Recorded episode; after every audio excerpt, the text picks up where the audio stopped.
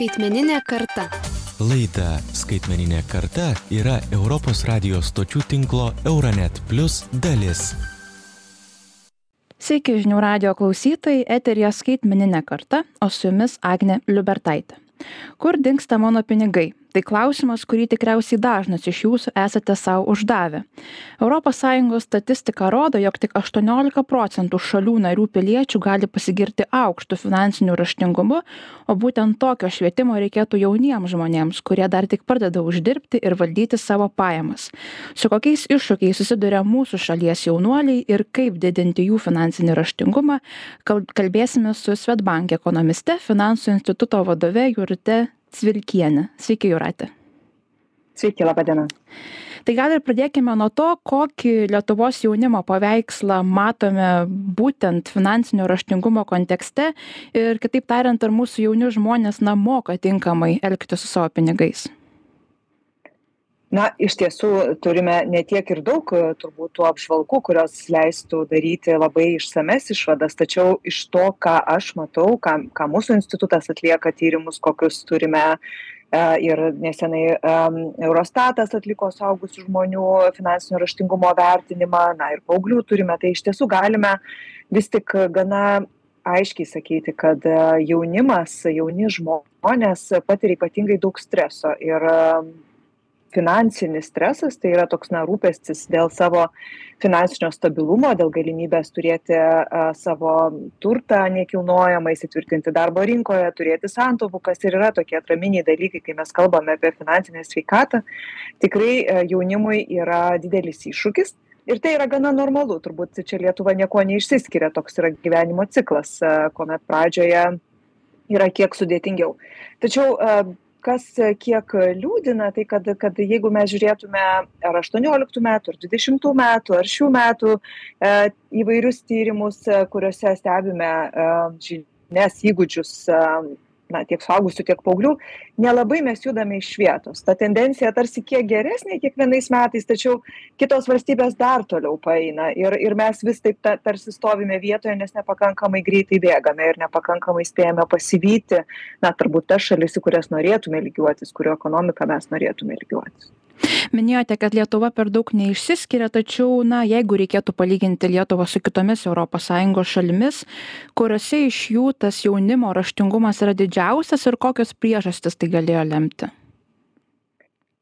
Daugelį metų iš eilės turbūt mes matome lyderiaujančią mūsų kaimynę estiją kuri na atrodo tikrai e, visiškai šalia ir ir galėtume turbūt daug ko pasimokyti. Suomijos švietimo sistema ne tik ne tik apskritai švietimo sistema bet ir finansinio raštingumo srityje turbūt išsiskiria savo kokybe kanados e, pasiekimai e, tikrai e, išskirtiniai. Ir man tikrai buvo labai įdomu pačiai pasidomėti kas yra kitaip tose šalyse kas vyksta kodėl tie rezultatai ir pasiekimai kitokie. Tai akivaizdu kad yra labai aiškiai sutarta dėl tokios na valstybinės strategijos kurioje kuri apima ne tik švietimo sektorių tačiau nevyriausybines organizacijas verslą ir toks sinchroniškas ilgalaikis prioritizuotas veikimas daro pokytį. Ką ko mums labai labai trūksta. Iš tiesų veikiame labai taip segmentuotai yra iniciatyvų atskirų tarsi kažkiek ir ugdymo sistema keičiasi. Tačiau kalbant na pavyzdžiui kad ir apie jaunus žmones visai nesenai naujausias tyrimas vėl atskleidė studentų apklausa. Kur išmokote valdyti savo pinigus iš kur atsinešate didžiausią žinių bagažą? Tėvai. Paaugliai iš tėvų. O tie tėvai na suaugę žmonės lygiai taip pat stokoja žinių ir įgūdžių. Tad mes turime tikrai tokį užburtą ratą iš kurio sudėtinga patiems išeiti o o sisteminio pokyčio e, ir tikrai tokio na iš dar dar nesimato lietuvoje. Praėjusiais metais lietuvos studentų sąjungos atliktas tyrimas taip pat parodė jog studentai dirbti pradeda vis anksčiau o darbą susiranda beveik kas antras studijuojantis. Jūsų manymu gera ši tendencija ar labiau diskutuotina? Nes na skeptikai galėtų pasakyti kad tada kažkuri sritis vis tiek nukenčia arba darbas arba studijos taip taip tai tikrai diskutuotina turbūt ir vėl labai priklauso turbūt ir nuo studijų e, užimtumo pasirinktos e, krypties ir ir idealiu atveju būtų puiku jeigu studentas galėtų gilintis į mokslus ir ir mes turėtume pasiruošusį specialistą na darbo rinkai. Tačiau taip mes irgi matome kad vis daugiau studentų pradeda anksčiau dirbti ir ir na turbūt nukenčia ir studijų kokybė arba jų psichologinė sveikata turbūt apie ką vis daugiau irgi kalbame kad labai sudėtinga yra išlaviruoti tarp studijų kokybės ir galimybės įsitvirtinti didmiestyje ir pačiam pradėti mokėti savo išlaidas Galime paklausyti ir jaunuolės Darijos istorijos, kurie jį pasidalino su Bulgarijos nacionaliniu radiju ir kuri leidžia suprasti, kokios jaunimo galimybės derinti mokslus ir darbus yra Prancūzijoje. Следвам магистратура в едно частно училище в Ница, като имах възможността да се включа в проект, който позволява на студентите Mokausi privačioje Nicos mokykloje ir turėjau galimybę įsitraukti į projektą, leidžiantį studentams mokytis ir dirbti vienu metu. Tai leidžia valstybė. Projekto idėja, kuriame dalyvauju, kad per mokslo metus įgytas žinias pritaikysiu įmonėje, kurioje dirbu. Įmonėje dirbu tris dienas per savaitę, o likusias dvi dienas esu mokykloje, dirbu ir mokausi po 8 valandas per parą. Didelis pliusas Prancūzijos, kad valstybė gina studentų teisės pati programa skirta mūsų interesus tenkinti nes net susidūrus su problemomis turime galimybę keisti įmonę čia svarbu kad visi jaustųsi gerai kiekvienas studentas prancūzijoje turi galimybę pradėti dirbti ir mokytis nuo šešiolikos metų ir gauti atlyginimą sakyčiau jaučiuosi daug labiau atsipalaidavusi nes turiu galimybę ir keliauti от 16 годишна възраст, като взимаме заплата. Бих казала, че се чувствам доста по-спокойна, тъй като имам възможности да пътувам. Ar toks scenarius būtų įmanomas Lietuvoje ir kokį darbdavių požiūrį jūs apskritai pastebite į dirbančius studentus? Na žinote gyvename laisvos rinkos valstybėje ir tikrai yra tokių specialybių ku dėl kurių paruošimo specialistų darbdaviai turbūt padarytų labai daug. Ir ir mes matome stygių kai kurių sričių specialistų kuomet yra kviečiami jauni žmonės viską išmokysime viską atiduosime praktiškai reikalavimų jokių ar ne tik ateikite pasiimkite žinias ir ir dirbkite vėl. Yra perteklius kai kurių kai kurių specialybių ir turbūt rinkos paklausa nėra tokia didelė tačiau be jokios abejonės kuo mes anksčiau ir geriau padėsime įsitvirtinti jaunam žmogui darbo rinkoje kuo jis geriau jausis kuo jis stabiliau jausis nuo to laimėsime mes visi. Tai čia turbūt nėra apie ką diskutuoti o iš tiesų kalbant apie jauną žmogų e, ir nuo keturiolikos metų lietuvoje irgi vis daugiau jaunuolių pradeda dirbti ir ir vasaromis semtis tos patirties tai yra tikrai labai geras būdas išmėginti daug skirtingų dalykų.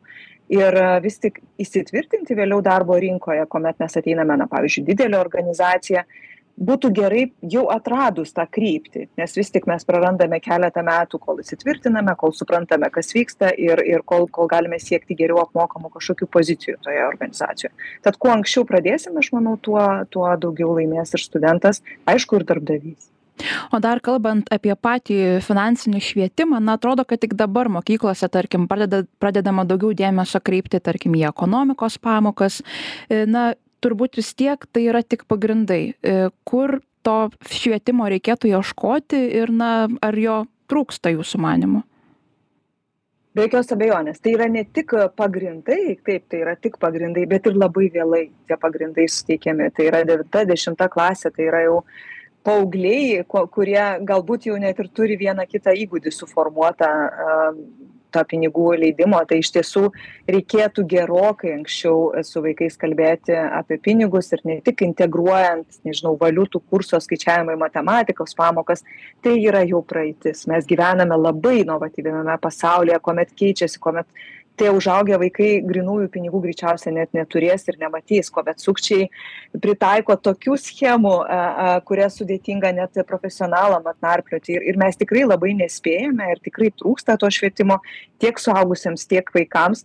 Ir kaip aš ir minėjau mes galime žiūrėti į šalis kurios yra išradusios šitą dviratį. Nereikia galbūt labai daug ko ir išradinėti. Tai yra tikrai ankstyvas labai integruotas išsamus ugdymas ir suvokimas kad finansinis raštingumas nežinau tvarus vartojimas tas pats tas gebėjimas nežinau saugiai valdyti savo finansus būti saugiam šitoje šitoje srityje yra be galo galo svarbi kompetencija. Yra tikrai tokia pat svarbi kompetencija kaip ir kitos kurias mes ugdome mokykloje ir tai yra labai svarbi šiuolaikiniam žmogui. E nerasdami informacijos paaugliai ieško jos internete ieško jos draugų tarpe ir ar tikrai mes norime kad kad šita informacija ir būtų jiems na tikrai ta kurią jie įsitvirtins ir ir ir kuria vadovausis vėliau savo gyvenime minėjote ir tai kad e, daugybė jaunų žmonių apie finansa apie finansus e, išgirsta būtent iš savo tėvų. Na pavyzdžiui europos komisija e, kartu su ekonominio bendradarbiavimo ir plėtros organizacija yra parengusi pradžiamokslį kuris gali padėti jauniems žmonėms ir net vaikams gauti svarbiausius atsakymus apie finansus.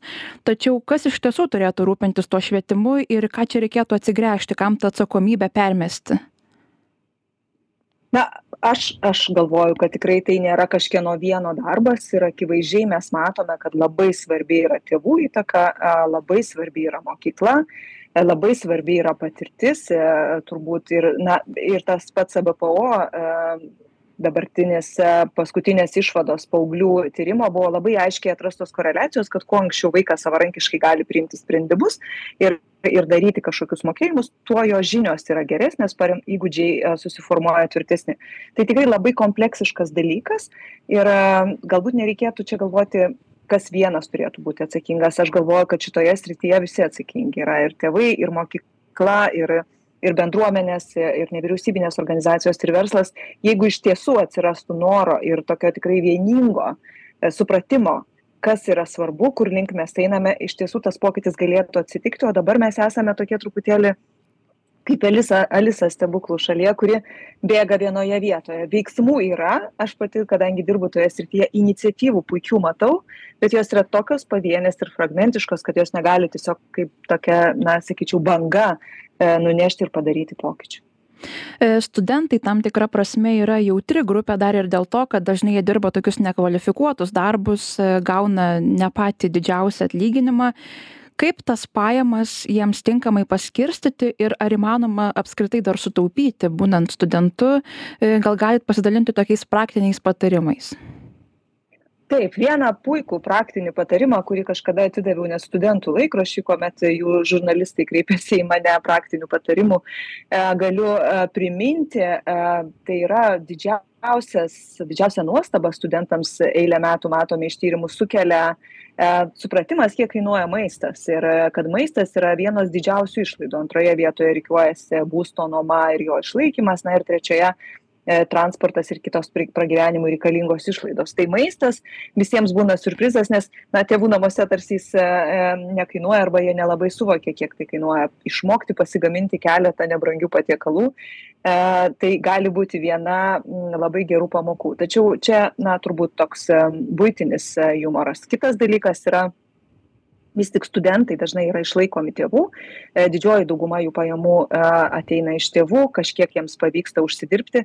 Kas yra labai turbūt svarbu tai susiformuoti na tuos pagrindinius įgūdžius kurie leistų siekti prioritetų ilgalaikių prioritetų. Tai vis tik ko aš siekiu koks mano yra ilgalaikis tikslas ar ne ar ar vis tik išėjimas su draugais į miestą yra svarbiau negu už e, keletos metų manęs laukianti kažkokia kelionė kuri man padėtų savo kompetencijas padidinti galbūt dvigubai ir susirasti geresnį darbą e, ir ir tas e, galvojimas apie ateitį ko mes visi vengiame daryti bet kuo anksčiau mes pradedame rūpintis ateitimi tuo mažesniais žingsniais mes galime pasiekti didesnio rezultato. Ar tai būtų kažkokia investicija kurios aš noriu padaryti ar tai būtų mano specialybė kurią aš noriu įsigyti ar tai būtų e, miestas kuriame aš noriu galų gale apsigyventi. Tai e, tai atskirti tuos prioritetus ir ir kiek pavyksta ne neleisti kasdieniams kažkokiems impulsyviems pirkiniams nuo jų nukrypti. E, būtent užsiminėte apie investavimą, na ir pastruoju metu labai daug kalbama apie tai, kad pinigus galima, taip sakant, įdarbinti, investuoti. Jeigu pasižiūrėsime į dirbantį studentą, kuris na, gauna tam tikrą kiekį stabilių pajamų, ar įmanoma studentui investuoti ir tuos pirmus žingsnius atlikti? Be jokios abejonės, investuoti šiandien galima turint e, kelis eurus. Iš esmės, tai tikrai nėra kažkoks labai sudėtingas jau instrumentas tačiau vėl reikia atsiminti kad investavimas yra puiki priemonė ir tikrai aš manau kad e, mes judėsime link vakarų europos ir vis daugiau žmonių atras investavimą ir išmoks investuoti ir ir supras kaip įdarbinti savo pinigus. Tačiau tai yra ir rizikingas dalykas todėl e, jis visada susijęs su rizika. Kuo didesnė tikimasi grąža tuo didesnė rizika. Tai jauni žmonės dažnai būna maksimalistai e, ir ir neretai tenka girdėti apie kažkokias stebuklingas investavimo priemones kurios žada stebuklingus uždarbius. Tai turbūt vėl grįžti prie to kad būtina pradėti būtina mokytis bet taip su žaliu lapu.